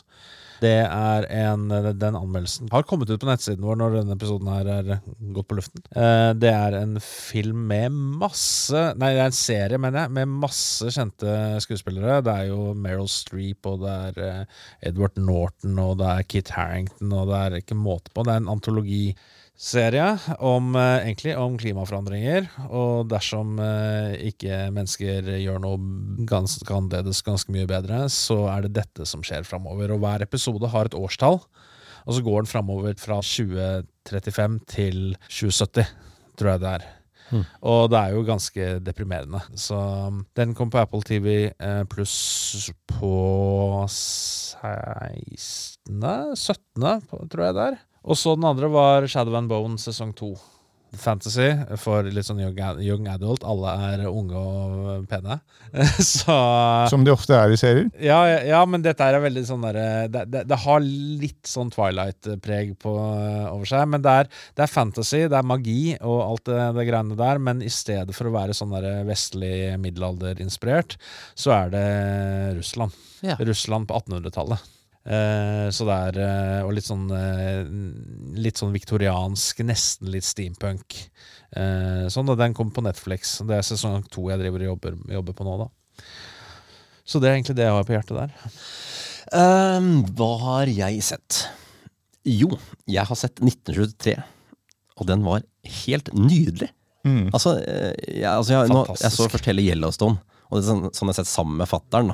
Den passer veldig bra. Og se Eh, sammen med fattern. Ja, han er veldig glad i sånne cowboy. Altså, ja, Ting bare tatt litt tilbake i tid. Eh, så Yellowstone så vi hele, også 1883. Og nå kommer nettopp 1923. Og jeg, jeg, jeg vet ikke Jeg er nesten så jeg ikke klarer å helt pinpointe hvorfor jeg bare blir så rørt av den serien. Men den rører noe i meg som, er, eh, som jeg nesten ikke klarer å få tak i et annet sted. Det er Harrison Ford der, da.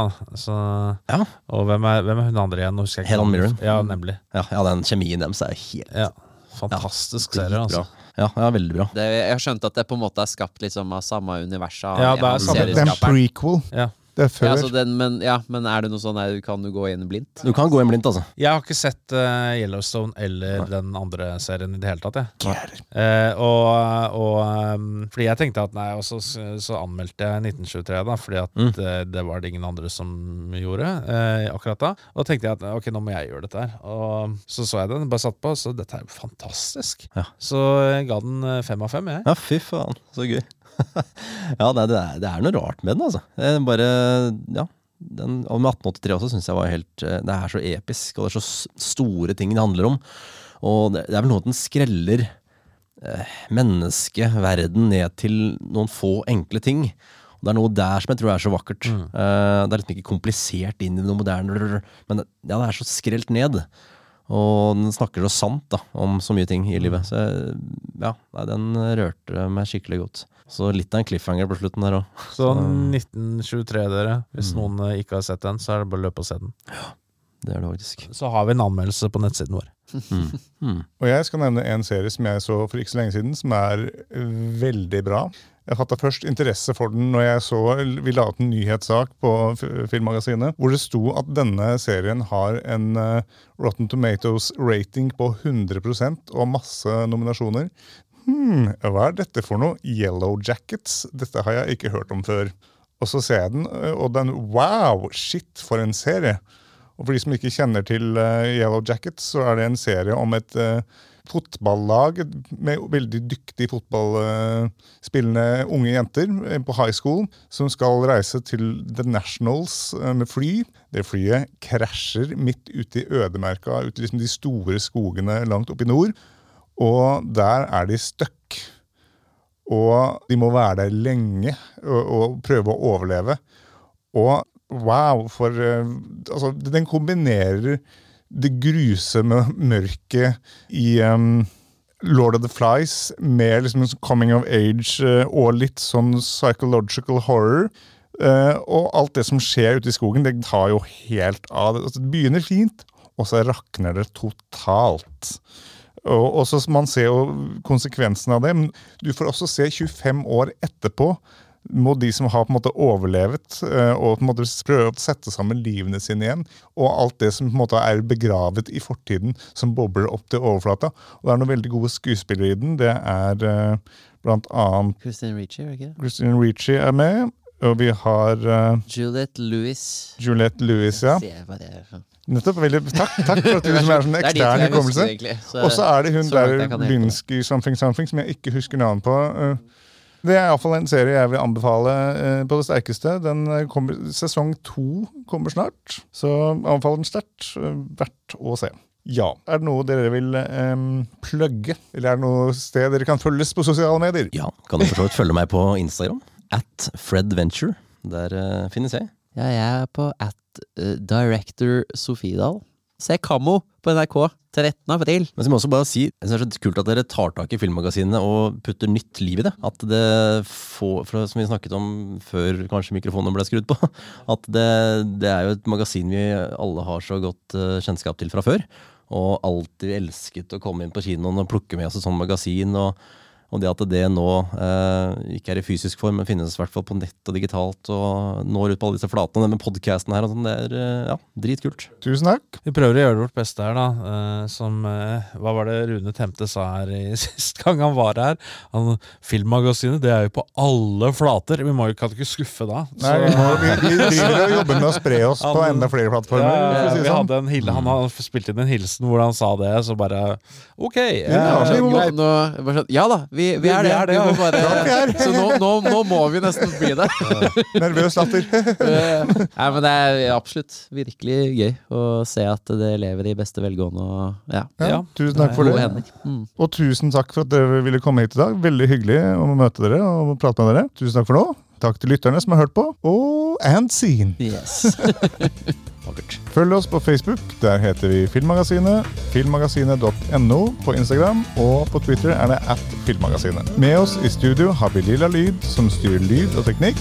Introvinetten er laget av Francesco Hygen Pudo. Tusen takk til Bauer Media for godt samarbeid og utlån av studio. Ansvarlig redaktør for Filmmagasinet er Eirik Pull, og mitt navn er Tor Aaberg.